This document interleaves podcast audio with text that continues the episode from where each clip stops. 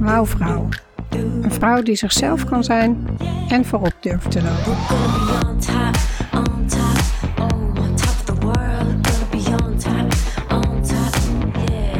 Welkom bij de podcast voor ambitieuze vrouwelijke leiders die dicht bij zichzelf willen blijven en leiden vanuit hun hart en intuïtie. Ik ben Hiltje Oude-Luttekhuis en ik wil een wereld creëren waarin je vrouw zijn geen belemmering vormt om een leider te zijn. Als huisarts, CEO van een one-woman biz, mama van vier kids en imperfecte feminist houd ik openhartige interviews met vrouwelijke rolmodellen uit de artsenwereld, wetenschap, tech en entrepreneurship. Vrouwen die voorop durven te lopen. Ook inspireer ik je met female empowerment topics om je zelfvertrouwen te boosten, zodat jij ook voorop durft te gaan lopen. Luister mee. Laat je verwonderen en uitdagen om voorop te lopen. Dit is de Wouwvrouw podcast. Laten we een nieuwe revolutie beginnen.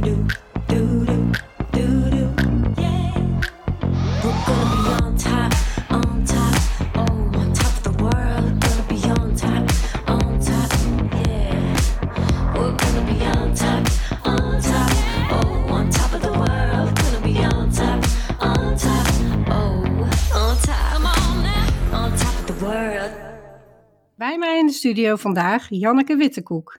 Zij is cardioloog en directeur van het door haar zelf gestarte zelfstandig behandelcentrum, de Heartlife Klinieken in Utrecht.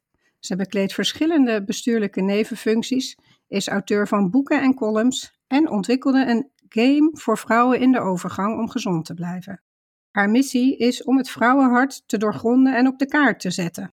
Ze is getrouwd, heeft twee kinderen en haar hobby's zijn boeken en columns lezen en schrijven en marathons hardlopen. Wauw, welkom Janneke. Ja, dankjewel uh, Hiltje. Leuk om hier te zijn. In dit tweede deel van het interview praten we over waardegedreven leiderschap, onzekerheid en buiten je comfortzone stappen. Onzekerheden zijn menselijk, dus laat je vooral niet ontmoedigen. Aan het einde lift Janneke ons nog even op. Go for it, girls! We beginnen waar we vorige keer bleven, namelijk met hoe vrouwen toch wel heel erg lang genegeerd zijn door de eeuwen heen. En je hoort hoe de baarmoeder van alles de schuld kreeg. Eigenlijk zou de medische wetenschap het anders zijn als een uitdaging moeten zien, in plaats van alles maar lastig te vinden, zoals Janneke zegt. Luister gauw verder. Ik heb in mijn zomervakantie Unwell Women gelezen over de geschiedenis van de vrouw in de geneeskunde, zeg maar het vrouwenlichaam. Nou, dat. Uh, en sowieso vrouwen die uh, heel lang geen dokter mochten worden. En wij zijn toch wel heel erg lang genegeerd door de eeuwen heen. En ik denk dat we daar nog wel echt. we zijn nu met een inhaalslag bezig, maar we zijn er nog niet. Het is echt wel een door mannen gedomineerde wereld geweest. Ook qua wetenschap, ook omdat het onzedelijk was om vrouwenlichamen goed te onderzoeken. Vroeger kreeg de baarmoeder de schuld van alles. Dus die, die moesten dan maar gewoon uitgehaald worden. Dan waren alle klachten opgelost. Nou ja, dat is nog niet eens zo lang geleden dat dat gewoon gebeurde. Bij vrouwen met pijn op de borst was het de gedachte, ja, maar dat komt omdat die baarmoeder te veel naar boven zit. Daar moet een kind in. En als daar geen kind in zit, dan krijgen die vrouwen allemaal klachten. Ja, echt fascinerend. Ik was, als ik dan dat lees over de, in de hele wereldgeschiedenis, dan denk ik, zo, we hebben nog een lange weg te gaan. En uh, het is maar goed dat we af en toe dat we wat voorvechters hebben. Om vooral die kar te blijven trekken. Dus ik was erg gemotiveerd om uh, mijn werk voor te zetten. Ja, precies. Hey, en uh, nou, dit valt natuurlijk enorm in mijn straatje met deze podcast. Als je naar jouw eigen carrière kijkt, hè, wat voor uitdagingen heb je daarin dan gehad als vrouw? Of zie je dat stukje hè, uh, eeuwenlang negeren terug? Heb je man-vrouw verschillen gezien? Uh, nee, het is wel, wel als ik gewoon als ik kijk naar mijn hele, inderdaad mijn carrière, dan komen wel een heleboel factoren heel mooi bij elkaar. Ik ben natuurlijk ooit begonnen met een studie gezondheidswetenschappen, wat heel erg gericht is op preventie, op uh, het voorkomen van hart- en vaatziekten, zowel biologisch, maar ook op sociaal-maatschappelijk niveau. Dus dat was al heel interessant. Later is daar de studie ehm, geneeskunde bijgekomen. Ik heb een, een, promotieonderzoek gedaan naar risicofactoren voor hart- en vaatziekten. En dus dat was een hele mooie basis. En eigenlijk toen ik met de opleiding cardiologie bezig was en uh, het mij opviel dat er zoveel vrouwen op de eerste hulp kwamen met klachten die, die iedere keer werden uitgeboekt als uh, niet cardiaal, omdat we nooit echt afwijkingen konden vinden. Dat was voor mij een trigger. En toen ik later dus de wetenschap in ging duiken, ja, toen moest ik heel eerlijk ook bekennen dat ik me daar zelf eigenlijk ook nooit zo mee bezig heb gehouden. Ik heb wetenschappelijk onderzoek gedaan eh, naar het cholesterolmetabolisme en uh, ook uh, meegewerkt in statineonderzoek. En ik ging eens even terugkijken en ik denk, verrek, ook in die studies, en dat was begin jaren negentig, daar is echt heel weinig vrouwen geïncludeerd. En toch dus daar begon al een beetje van, hé, hey, dat is gek als je daar, en hoe meer literatuur je daarover gaat lezen, en daar is al heel veel over gepubliceerd. De eerste stukken zijn allemaal van begin jaren negentig. En als je dan op een gegeven moment leert dat het proces van aderverkoping bij vrouwen anders verloopt dan bij mannen, omdat het hele oestrogeenmetabolisme in de vaatwand uh, daar zich afspeelt en natuurlijk een beschermend effect heeft. Zover wisten we dan nog wel. Ja, dat kwam, kwam alles eigenlijk samen. Hè? Dus eerst had ik het heel breed bestudeerd toen in de praktijk van hé, hey, het is bij die vrouwen toch anders. En dan weer terug naar die basis, uh, waarin dan pathofysiologische verschillen zitten. Ja, dus het was voor mij een soort van uh, nou eye-opener, maar, ook, maar uiteindelijk ook weer zo, zo logisch. En eigenlijk nog steeds is het zo gek dat in een heel groot gedeelte van de medische wetenschap nog eigenlijk ervan uit wordt gegaan dat vrouwen kleine mannen zijn. Dat is, dat is heel gek. En dat die hele hormonale cyclus, die zoveel invloed heeft op hoe we medicijnen verwerken, hoe week onze weefsel is, hoe sterk we zijn, hoe onze psyche werkt, dat is gewoon genegeerd. Dus het wordt hoog tijd dat we dat eens even gaan uh, weer. En dat is natuurlijk hartstikke, is hartstikke ingewikkeld. Ik snap wel dat die cyclus er altijd uit is gegooid, want poeh, jeetje, het is ook wel ingewikkeld. Maar ik vind het aan de andere kant ook wel gek dat dat ook niet wordt gezien als een medische uitdaging om de zorg voor vrouwen te verbeteren? waarom moet deze noodroep, zou ik haast willen zeggen, moeten komen van alleen maar vrouwen? Je zou het als man en wetenschapper toch ook super interessant moeten vinden wat daar allemaal gebeurt met die cyclus. En dan heb ik het niet over de gynaecologen die dan natuurlijk bezig zijn met baarmoeder en dat soort dingen. Maar ik denk in een heleboel andere, zoals darmen, hart, hoofd, ja, dat is allemaal, eh, staat in verbinding met die hormonen. Hoe interessant is het om dat te onderzoeken? Ga daarvoor, iedereen de, de wetenschappers willen oproepen. Net zoiets als migraine, weet je, dat heeft nu, uh, dat is natuurlijk ook, ook echt zo'n, nou, er zijn een heleboel, beetje van die diagnoses die we op een gegeven moment hebben gekregen. Het stukje somatisch onverklaarbare lichamelijke klachten bij vrouwen, dat is de solkpolies, wordt namelijk bevolkt door vrouwen. En ik denk niet dat die klachten tussen de oren zitten. Ik denk dat dat veel meer uh, dingen zijn die we gewoon nog niet goed begrijpen. Ja, ja dat zou goed kunnen.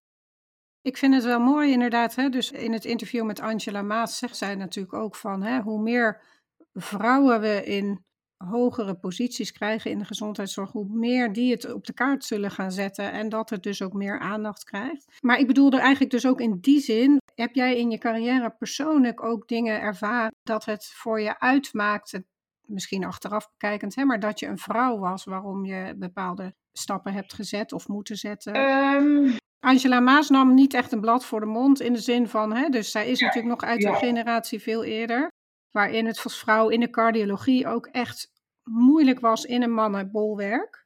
Dat je maar één keer in de vier jaar mocht er maar een vrouw in opleiding. Nou, jij bent van een andere tijd, dus ik was heel benieuwd van zijn dingen veranderd, verbeterd? Loop je nog steeds tegen dingen aan? Dat, dat is natuurlijk ook een beetje hoe het bij mij verder uh, waardoor ik getriggerd was dat die vrouwen toch heel vaak een beetje werden weggezet als van, ah, een beetje gezuur hoor. Die prachtige bloedvaten, die heeft gewoon helemaal niks. Oh, is ze er weer? Jeetje, weet je, dacht ik. Ja, als je dan gewoon echt het, het gesprek aangaat. Weet je, uh, we zitten dan over de atypische klachten bij, bij hart- en vaatziekten. Maar die vrouwen die dus met die schone bloedvaten, die zitten tegenover je. En die, die zitten gewoon op hun borst te drukken. Van ik, ik voel dan hier zo'n druk en het straalt uit naar mijn kaak. En ik voel het soms in mijn linkerarm.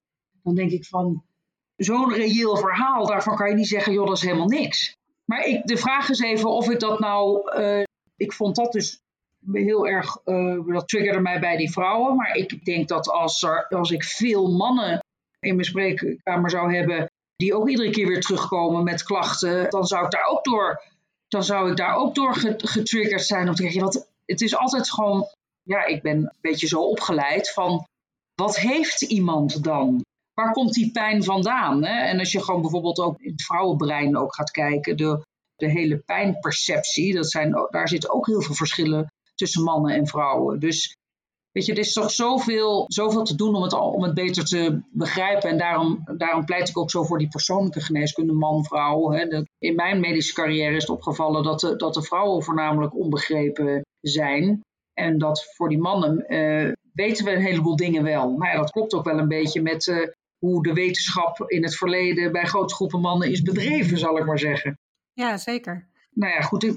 We zijn kleine stapjes aan het maken. En uh, dus wat dat betreft denk ik dat Angela ontzettend belangrijk uh, zij is echt een baanbreker geweest, heeft weg opengebroken. En uh, dat we vooral moeten zorgen dat we hier aandacht voor blijven vragen. Hè, voor alle, precies wat jij zegt, alle, alle rassen, kleuren, uh, man, vrouw, alles wat we hebben. Dat, dat, en dat, dat is best ingewikkeld af en toe. Maar dat zou de medische wetenschap steeds meer moeten uitdagen. In plaats van dat het allemaal maar lastig is dat het anders is. Ja, en we hebben natuurlijk ook 10.000 keer meer mogelijkheden om dingen te onderzoeken dan in hè, de tijd van Leonardo da Vinci. Zeker, zeker, ja. En, en, Darwin, die dus is, ja, ja, wel een hele grote stap met terug. Een, wat, een hoop elegantere technieken de vrouwen beter maken in plaats van uh, de baarmoeder er maar gewoon uithalen. of het vroeger ging. ja, inderdaad. Hey, en um, heb jij ook een rolmodel of iemand die jij als leider als inspirerend leider. vindt? Ja, ik, ik, ik, ik, wist dat die vraag ging komen. Ik, de vraag is mij ook wel vaker gesteld. Ik vind dat best wel uh, ingewikkeld. Maar wat ik, waar ik altijd dan een beetje naar kijk is van... Uh, van welke mensen doen nou ook doen een heleboel verschillende dingen, zeg maar. dus dat, dat vind ik dan inspirerend. Nou, dat is bijvoorbeeld uh, nou, ik vind Linda de Mol in dat opzicht inspirerend. Want ze is ook een, nou, is een vrouw die, die ook eigenlijk alles doet. Hè? Dus die, die heeft een, uh, ze heeft een prachtig tijdschrift en ze, ze is een goede actrice en ze heeft uh, talkshows en dus multitalent vind ik leuk om, dat, dat vind ik interessant. Aan de andere kant kan ook heel erg gefascineerd zijn door niet multi, maar single talents. Vind ik, altijd, vind ik ook altijd heel bijzonder. ja, laat ik zo zeggen, zoek altijd een beetje naar mensen die, waarvan je ziek kan, zeggen van, oh, die heeft zich ook niet altijd helemaal gefocust op één ding. Terwijl ik me goed, heel goed realiseer dat je wel een beetje, natuurlijk, uh, wel een beetje focussen, maar niet veel, omdat het dan afdoet aan je creativiteit. Maar uh, ja, dat. Ik heb, niet, ja, ik heb niet echt een, want dat is mijn grote voorbeeld of zo. Nee. En op wat voor manier volg jij je hart of intuïtie in je leven? Um, nou ja, ik denk op mijn, in mijn professionele leven dat ik dat wel echt heb gedaan. Hè? Dus dat ik dat heel, dat ik daar echt wel een, een, een dat komt echt vanuit mijn hart. Hè? Dat ik, ik wil echt, het is ook wel een stukje mijn zorghart. Ik wil mensen echt beter maken, hun kwaliteit van leven, kijken of we dat beter kunnen krijgen, zodat ze van die vervelende klachten afkomen. Zo begint dat eigenlijk. Uh, als ik kijk naar, uh, nou ja, weet je, ik, uh, net terug van een heerlijke vakantie. En dan, oh, dan zit ik in zulke mooie gebieden. En dan denk ik, jeetje, ik zou hier wel gewoon willen blijven. zeg mijn hart dan. Dus een stukje paradijs. Of als het even ergens heel erg mooi is. En dan, dan roept toch wel weer de plicht dat ik gewoon weer... Je moet ook weer terug. En, uh, dus wat dat betreft... Uh, ja, nee, weet je, ik, ik, ik volg mijn hart zeker in mijn professionele leven, ook wel in mijn privéleven. Maar je moet natuurlijk wel. Um, je hebt natuurlijk verantwoordelijkheden en dat soort dingen. Dus het is niet. Want je bent natuurlijk ook heel erg voor dat stukje vrijheid. Maar je. Ja, ik vind dat moeilijk. Ik ben hartstikke vrij in wat ik doe, maar ik ben ook wel weer heel erg gebonden natuurlijk met alles en iedereen om me heen. Hè? Dus uh, ik denk wel dat ik mijn hart gevolgd heb, laat ik het zo zeggen. Ja. Maar ik heb ook wel een hele sterke hoofd, die, die, daar continu, die zijn continu in, in discussie, zullen we maar zeggen. Ja. Maar dat is bekend, hè? De hoofd-hart-connectie. Ja. En ik denk ook wel dat het te maken heeft natuurlijk met een soort levensfase waar je in zit. Hè? Dus ik ben net, ik ben 50 geworden, 51 ben ik inmiddels. En dat is ook wel een levensfase dat je heel erg, dat ik heel erg mensen om mij heen, die gaan allemaal, uh, ja, die gaan allemaal nog nieuwe dingen doen. Of die gaan, die hebben in één keer een huis verkocht en die gaan met een camper, uh, ze zien wel, kunnen overal werken. Uh, kopen een boot, gaan de wereld rond. want nu kan het nog. Nu zijn ze. Weet je, dan denk ik, kijk er wel eens naar. Dan denk ik, oh ja, dat zou ik misschien ook wel willen. Maar als ik dan langer nadenk, denk ik, oh nee, ik zit eigenlijk ook wel eigenlijk zo fijn met mijn kliniek. En uh, dan moet ik ook. Snap je wat ik bedoel? Hè? Dus uh, mm-hmm. het is ook een soort crossroads. En dat heb je zo om de tien jaar. Dat je gewoon even kijkt van ja, wat, wat wil ik nou? En naarmate je ouder wordt, krijg je misschien steeds meer ook een vrijheid om dan ook echt hele andere keuzes te maken. Kijk, als je heel jong bent, dan zit je vaak uh, nou, hè, met, je zit in een opbouwfase. Je bent met je kinderen bezig, met je werk, je carrière. En dan ga je niet zo snel uh, fladderen, zal ik maar zeggen. Ja, en de Wat andere kant misschien is misschien ook doen. wel als jij echt in verbinding bent met hè, die gevoelens die je vanuit je hart wil inbrengen in je leven. Hè? Dus dat gevoel wat jij hebt ja. op zo'n stukje paradijs op vakantie. Als je daar voor tevoren al meer in hebt, heb je misschien minder die behoefte om echt enorm uit te vliegen hè, dan uh, in die bepaalde levensfase. Dus misschien pleit dat er ook voor om juist al op tijd te beginnen met je hartgevoelens te volgen. Uh, ja, ik denk, maar ik, ik, zie ook wel gewoon als je nu kijkt naar de jongere generatie. Die zijn allemaal nu al aan het, uh, gewoon op hun twintigste zijn ze al, uh, hebben ze de halve wereld al gezien. Hè? Dus ik ben wel benieuwd hoe zich dat gaat ontwikkelen. Ik had toch nog wel heel erg een toen ik heel veel jonger was, van ik moet wel even zorgen dat ik uh, in je eigen onderhoud kan voorzien. Dat ik echt iets ga doen wat ik heel erg leuk vind, wat ik vanuit mijn hart leuk vind. Dat is allemaal heel erg gelukt, weet je. Dus ja, ik heb de halve wereld nog niet gezien, dus eh, dat zou ik ook wel willen. Maar jij, ja, dat, dat is, blijft altijd een beetje... Dat ga ik misschien uh, doen als ik met pensioen ga, maar wanneer dat is, weet ik niet. Nee, want hoe ziet jouw leven er over vijf jaar dan ongeveer uit? Nou, dan zit ik nog vol in deze business. Uh, dus uh, weet je, dan ben ik, uh, hoe oud ben ik dan? 57? Ja, 57. Ja, dan ben ik gewoon, ik ben net lekker op, op stoom. Dus nee, dan ben ik nog vol met deze missie bezig. En ik zit wel heel erg te kijken, dat is mijn laatste project ook met Green Habit, is dat stukje digitalisering. Dus ik was, toen ik begon met de Hardlife klinieken, meer een beetje aan het kijken van waar kan ik nou nog meer hardlife klinieken hè, nog oprichten. En ik merkte dat dat toch best wel heel moeilijk was, omdat de hardlife kliniek staat of valt met een ontzettend gedreven specialist die precies zo denkt als ik. Dat is best heel lastig om die te vinden. Dat moet een beetje komen vanuit de jongere generatie. En dat is, uh, dat is best lastig, want die hebben nog zoveel andere dingen die ze willen doen. Eh, dus dat ben ik een beetje, nou, die, dat ga ik, die ga ik zeker vinden, maar daar heb ik wat minder haast mee, laat ik het zo zeggen. En ik ben wel aan het kijken hoe ik dus uh, met dat stukje, de game die we ook ontwikkeld hebben, uh, zeker in de missie die je hebt om meer informatie te geven over het vrouwenhart, mensen gezonder te maken, vind ik dat hele stukje digitalisering heel erg interessant. Dus ik zit wat meer in de, in de, in de tech world nu samen met Chantal Linders. Waar ik heel veel potentie in zie, wat ik ook heel erg leuk vind, omdat je op die manier met slimme technieken gewoon zoveel mensen kan uh, bereiken. Dus ik hoop dat ik over vijf jaar nog steeds mijn basis hier heb in Leidse Rijn met deze kliniek. En dat ik daarnaast uh, met een stukje gamification, digitalisering, uh, heel veel andere mensen kan bereiken om ze gezonder en beter te maken. Mooi, ja.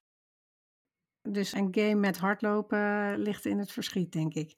Wandelen. Wandelen. Hardlopen, ja. dan wordt hij, ja, en wandelen. Ja, ja, ja. Onder andere. Nee, maar onderschat de, onderschat de ontspanning niet. Hè.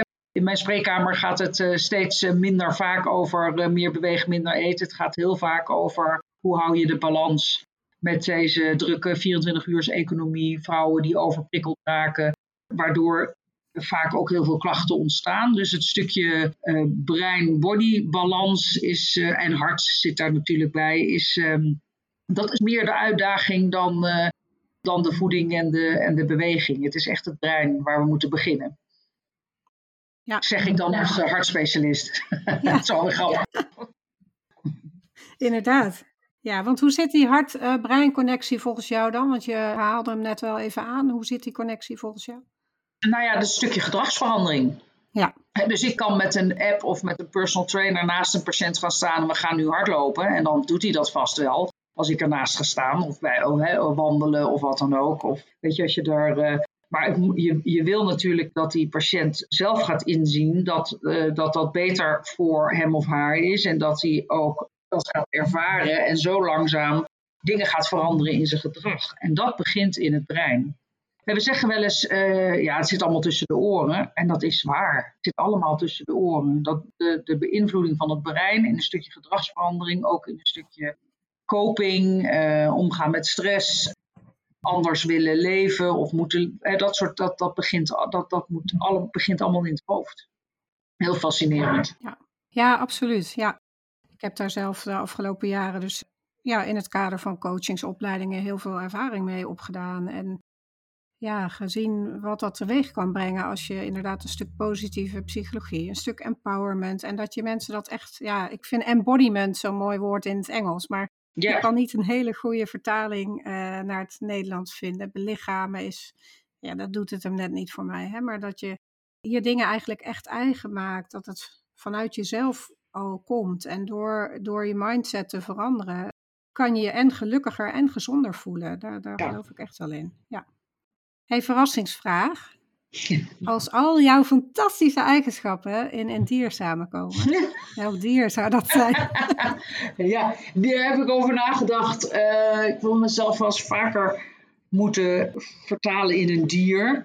Ja, ik vind dat uh, een soort dier wat niet bestaat, denk ik. Want als ik dan kijk naar uh, een stokstaartje die zo lekker in de zon kan staan, dan, dan denk ik van, oh, dat, dat, dat zou, zo kan ik ook de hele dag staan. En dan, ik vind een zwaan vind ik een heel mooi dier, vind ik een sierlijk dier, vind ik een stoer dier. Maar als je kijkt naar mijn eigenschappen en hoe ik in mijn hele, nou ja, gewoon zeg maar, waar ik nu sta, dat heeft wel heel erg te maken met uh, een beetje meekleuren met de omgeving. Dus dan kom je op een chameleon. Dat is natuurlijk helemaal geen mooi dier. Tenminste, het niet echt, heeft niet echt een hoog knuffelgehalte. Niet dat je dat moet hebben, maar ik heb wel heel erg meegekleurd met de omgeving om een beetje te komen waar ik nu ben. En nu ik deze positie heb, um, nou ja, waar ik nu sta, denk ik van, nou, witte koek, misschien wordt het nu tijd om eens echt een beetje kleur te gaan bekennen. Hè? Dus uh, hou maar eens op met uh, iedereen met allemaal meekleuren, of allemaal een beetje, dat moet natuurlijk een beetje, ook als co-assistent en in de medische wereld, welke fluwelen handjes, schoentjes moet ik nu weer uit de kast halen om met die groep om te gaan, en met die groep. Uh, natuurlijk met je, met je patiënten moet je dat heel erg aanvoelen en ook een beetje met ze meekleuren om vertrouwen te winnen, dat soort dingen.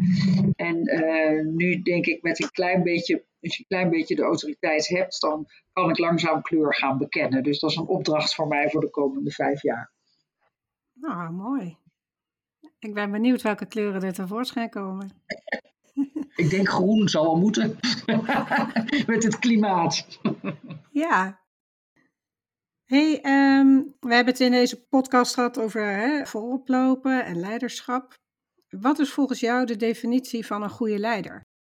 Um, ja, ik denk dus dat, dat je. Um, kijk, als ik kijk naar hoe dat vroeger was met de ivoren torens, waar de specialisten in zaten, daar ben ik nooit in geweest. Weet je, dus ik ben heel erg van een gelijke op de werkvloer. Snap je een beetje wat ik bedoel? Dus ik, ik denk dat het belangrijk is dat ik wil absoluut niet denken in hiërarchie. Uh, je bent een goede leider als je er gewoon naast staat en niet als je erboven staat.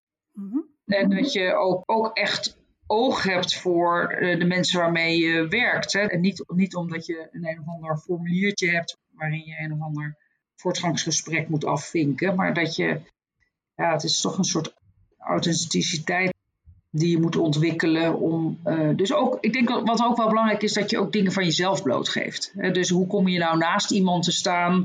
Alles draait natuurlijk uiteindelijk om een stukje vertrouwen en communicatie te, te vergemakkelijken. Ja, en dat wordt het, het makkelijkst als je toch een soort sfeer creëert waarin je het gevoel hebt dat je eigenlijk echt alles kan zeggen. Daar hoort ook bij dat je jezelf soms ook een beetje kwetsbaar opstelt. Dat doe je niet bewust, of niet bewust, of, of uh, van ik laat me nu eens even lekker van mijn kwetsbare kant zien, maar dat je gewoon zelf ook dingen vertelt waar jij mee zit. In plaats van het gevoel moet hebben van ja, maar ik, uh, ik, moet maar sterk zijn, want ik moet hier de tent leiden. Dus die zitten niet te wachten op mijn, mijn ellendetjes, laat ik het zo maar even zeggen, als ik die af en toe eens heb. Dus uh, hier bij Hardlife wordt altijd alles lekker gedeeld en zitten we gewoon allemaal op hetzelfde niveau. Nou, dat is heel fijn. Dus ik ja. denk dat. Mooi. Dus geen hiërarchische verdeling, stukje kwetsbaarheid en met name ook authenticiteit. Ja, lijkt me een mooie top drie. Ja. Hey, en uh, als we dus, want dit zijn wel denk ik dingen die vrouwen, als we dan even in de tweedeling zitten, hè, maar die meer als vrouwelijke eigenschappen worden gezien en die worden vaak ook gewaardeerd. En toch zitten er nog minder vrouwelijke leiders in de top dan uh, mannelijke leiders. Wat zou er volgens jou moeten gebeuren om toch meer vrouwelijke leiders in de top van de medische wereld te krijgen? Het zijn bestuurlijke functies, het zij als vrouwelijke hoogleraren. Jeetje, wat een moeilijke vraag. Uh, ik weet het niet. Ik zit er eigenlijk niet zo in die hele. Uh, ik, ik, hoor dat wel eens van ja, dan moeten er allemaal vrouwen aangenomen worden. Ik ben toch ook wel vaak nog een beetje van de, de, de, de, de beste de beste op de, op de juiste plek. Hè? Dus dat, eh, dat, dat, daar ben ik zeker van. Um, of dat nou een man of een vrouw is, of, daar zit, eh, of alles wat daartussen zit. Um, ik, weet, ik, ik weet het niet, Hilsje. Ik weet niet wat. Ik, weet, nee, ik weet het niet. Nou, dit is de core vraag die ik in deze podcast wil oplossen. Hè? Dus ik heb het antwoord ook niet.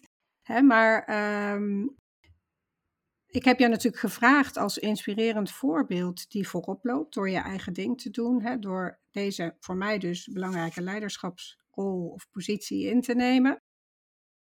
Wat zou iemand kunnen helpen om dat zoiets te kunnen bereiken? Nou ja, dan kom je toch weer een beetje terug op die drie waarden waar we het net over hadden. Is dat je gewoon toch wel, en misschien professioneel gezien, uh, volg je hart. Dus wel heel erg achter je zaak blijven staan en ook Misschien moeten vrouwen ook wel wat meer, uh, wat dat betreft, in zichzelf geloven dat ze dat ook echt wel kunnen doen. Mm-hmm. En dat is vaak ook een beetje zo'n omgeving. Ik denk dat heel veel vrouwen het ook echt wel echt heel goed kunnen, maar dat ze misschien zelf al heel snel zoiets hebben van ja, maar ben ik dan wel echt daar wel helemaal geschikt voor? Misschien ook niet. Of dus heel erg blijven geloven in dat je dingen kan doen. En, en en dan, dat straal je op een gegeven moment dan ook uit. Dus het is ook een beetje hoe krachtig je zo'n statement maakt. Mhm. Als dat vanuit je hart komt, ja, dan, dan kan je het bijna niet fout doen. Dus zodra het een beetje, als je het moet gaan bluffen, of als het toch er, van nou dan zeg ik dat, maar dan gaat het niet werken. Dus, uh, en ook gewoon je daar kwetsbaar in op durven stellen. Aan de ene kant kwetsbaar, aan de andere kant ook wel, ja, weet ik veel hoe dat gaat met sollicitatiegesprekken, als er allemaal rare vragen komen over uh, en hoe ga je dat dan combineren en dat soort dingen. Ja, ik denk ook dat je ook best wel, als het een gekke vraag is, uh, heel erg je verontwaardiging mag laten zien. Daar moet je ook niet zo bang voor zijn. Hè? Want in de, aan het einde wil je, uh, wil je ook niet gewoon een, een positie krijgen waar, waar, waarbij je tijdens het gesprek al denkt van, uh, nou, eigenlijk maar een beetje rare vragen. Maar ja, als ik eenmaal zit, dan ga ik de boel hier wel veranderen. Nee, ik zou wel heel erg bij, me, bij mezelf uh, blijven. En, uh, en altijd blijven geloven in dat je dat zelf ook kan doen. Ja. En gewoon weer door. Je moet ook wel doorzetten. Als het bij de een niet gelukt is, terwijl dat heel erg je ambitie is, ja, dan ga je door. Want jij gelooft zo erg in dat dingen veranderd moeten worden of dat je, dat je die organisatie goed kan leiden of wat dan ook. Uh, ja, dat als je denkt dat je dat echt kunt, dan zal je dat moeten uitstralen in je gesprekken. En dat, dat kan niet anders dan dat dat uit je hart komt. Mooi. Jij zei iets over zelftwijfel. Hè? Is dat iets waar, je, waar jij ook mee, mee te maken hebt gehad? Of? Ja, tuurlijk. Oh, altijd die, die verschrikkelijke onzekerheid. Ja, dat zei ze altijd. Het is in zo'n golfbeweging die ook iedere keer weer terugkomt. Dat ik denk van uh, dat je kwetsbaar voelt. En van uh, jeetje, weet je, dus, dus dat, is ook, dat is ook wel een beetje menselijk. En daar moet je jezelf ook wel af en toe uh, herpakken. Dat je, ja, aan de ene kant kan ik heel arrogant zeggen van, ja, dat kan ik gewoon zelf echt beter van een heleboel dingen. En aan de andere kant kan ik soms ook gewoon natuurlijk een, een onzeker, dat je af en toe over, overvallen wordt door een soort van onzeker, ja, dat je wat onzeker bent of je kwetsbaar voelt van, oh jeetje, maar dat uh, had ik bijvoorbeeld bij, ja goed, ik heb een, tijdje een uh, zijstap gemaakt naar de politiek. En toen had ik ook zoiets van, ja, ik geloof zo in dat ik, dat we de gezondheidszorg anders moeten inrichten. En daar ben ik echt vol voor gegaan. Maar ja, dan kom je toch weer in één keer met hele andere krachten in, uh, in aanraking.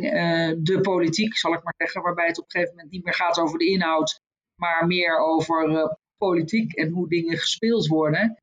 Ja, dat vond ik toch wel heel erg moeilijk.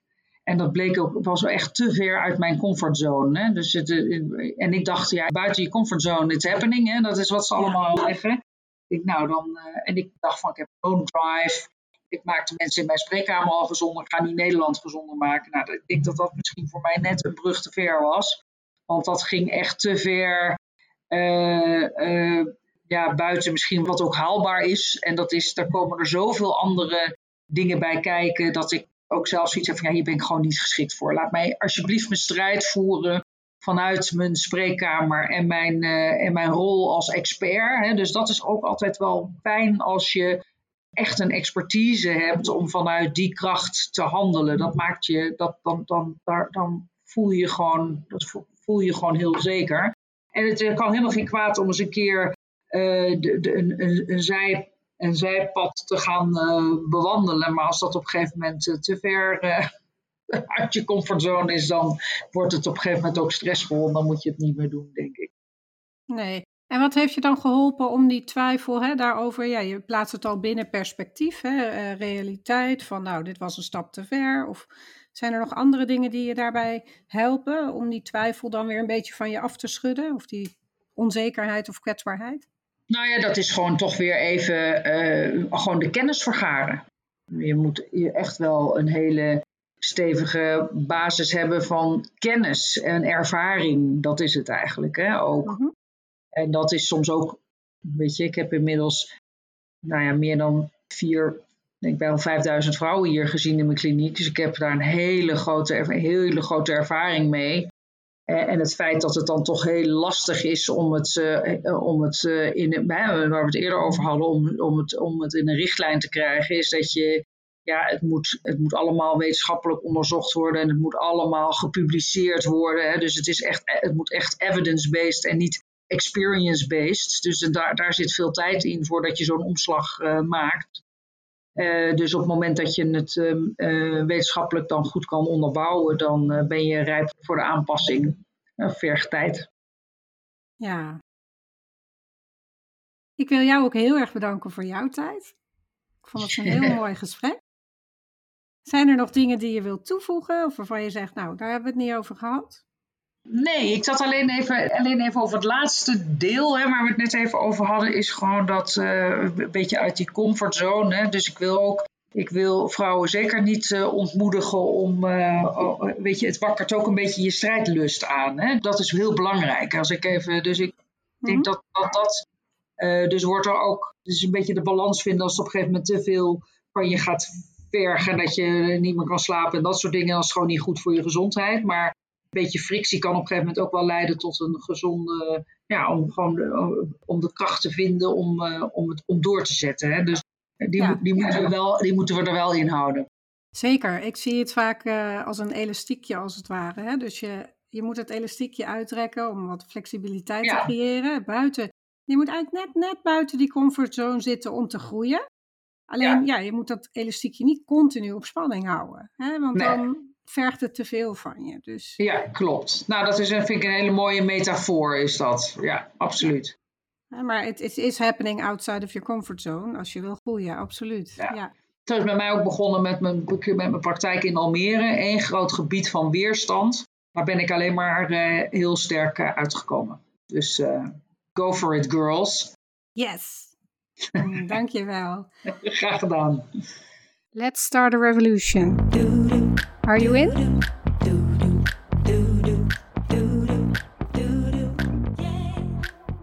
Janneke, waar kunnen mensen jou vinden als ze nog wat meer van jou willen weten of lezen of horen? Uh, ja, dat kan natuurlijk altijd via mijn kliniek. Daar ben ik het uh, meest van de tijd te vinden. Dat is uh, www.hardlife.nl. Nou ja, daar, daar ben ik gewoon te vinden en te bereiken. Mensen kunnen mail sturen of, of wat dan ook. En ik ben altijd vrij snel in, in daarop terugkomen. Dus gewoon via mijn kliniek. Ja, en anders gewoon via de social media. Ik ben te vinden op Twitter, Dr. Janneke. Ik ben te vinden op LinkedIn, Janneke Wittekoek. En ik ben te vinden op Facebook en Instagram. Dus ja, als je een klein beetje moeite doet, dan heb je me zo te pakken. Prachtig. Dankjewel. Graag gedaan.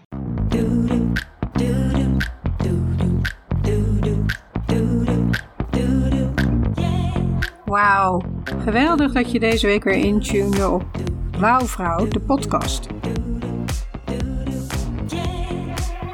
Ik ben heel nieuwsgierig wat je inspireerde of welke inzichten je uit deze aflevering haalt. En stuur me natuurlijk absoluut een bericht als je acties onderneemt om voorop te lopen. Ik ben je grootste cheerleader. Leuk om te connecten. Op LinkedIn kun je me vinden als Heeltje Oude Luttekhuis. Ik weet het, een hele mond vol. Ik sta meestal bekend als die dokter met die moeilijke naam. Maar als je begint met Heeltje, H-I-L-T-J-E, dan verschijnt de rest vanzelf. Op Instagram vind je me als Wouwvrouw. Dat spel je met W-O-W en dan vrouw. Ben je enthousiast geraakt door de informatie in deze podcast, maar vraag je je af hoe je dit nu voor jezelf gebruikt? Dan heb ik iets heel tofs voor je. Om het beste uit deze podcast en jezelf te halen, heb ik een podcast inspiratiepagina gemaakt. Samenvatten en concretiseren op 1 A4'tje. Je kunt deze tool downloaden via www.wouwvrouw.nl slash podcast. Helemaal gratis en gegarandeerd verdieping die je ook kunt inzetten bij andere content, cursussen of congressen. Vind je deze podcast interessant en ken je iemand anders die wel een empowerment boost kan gebruiken? Deel dan deze podcast of de aflevering die je net luisterde met je collega's of vriendinnen. In de meeste podcast-apps kan dit door op de drie puntjes te klikken en delen te kiezen. Een shout-out op social media is natuurlijk ook hartstikke welkom. Steun je de missie om meer vrouwelijke leiders aan de top te krijgen in de medische wereld, academia, tech en corporate? Boost dan deze podcast door een review achter te laten. Dat is heel eenvoudig. Klik in de podcast-app waarmee jij luistert op reviews. Klik op het aantal sterren dat je wil geven en laat als je zin hebt ook een geschreven review achter. Super bedankt! Om dingen te veranderen heb je mensen nodig die voorop durven te lopen. En ik weet zeker dat jij dat in je hebt. Wonderlijke wouwvrouw, vergeet niet dat je een prachtig mens bent. Bedankt voor het luisteren.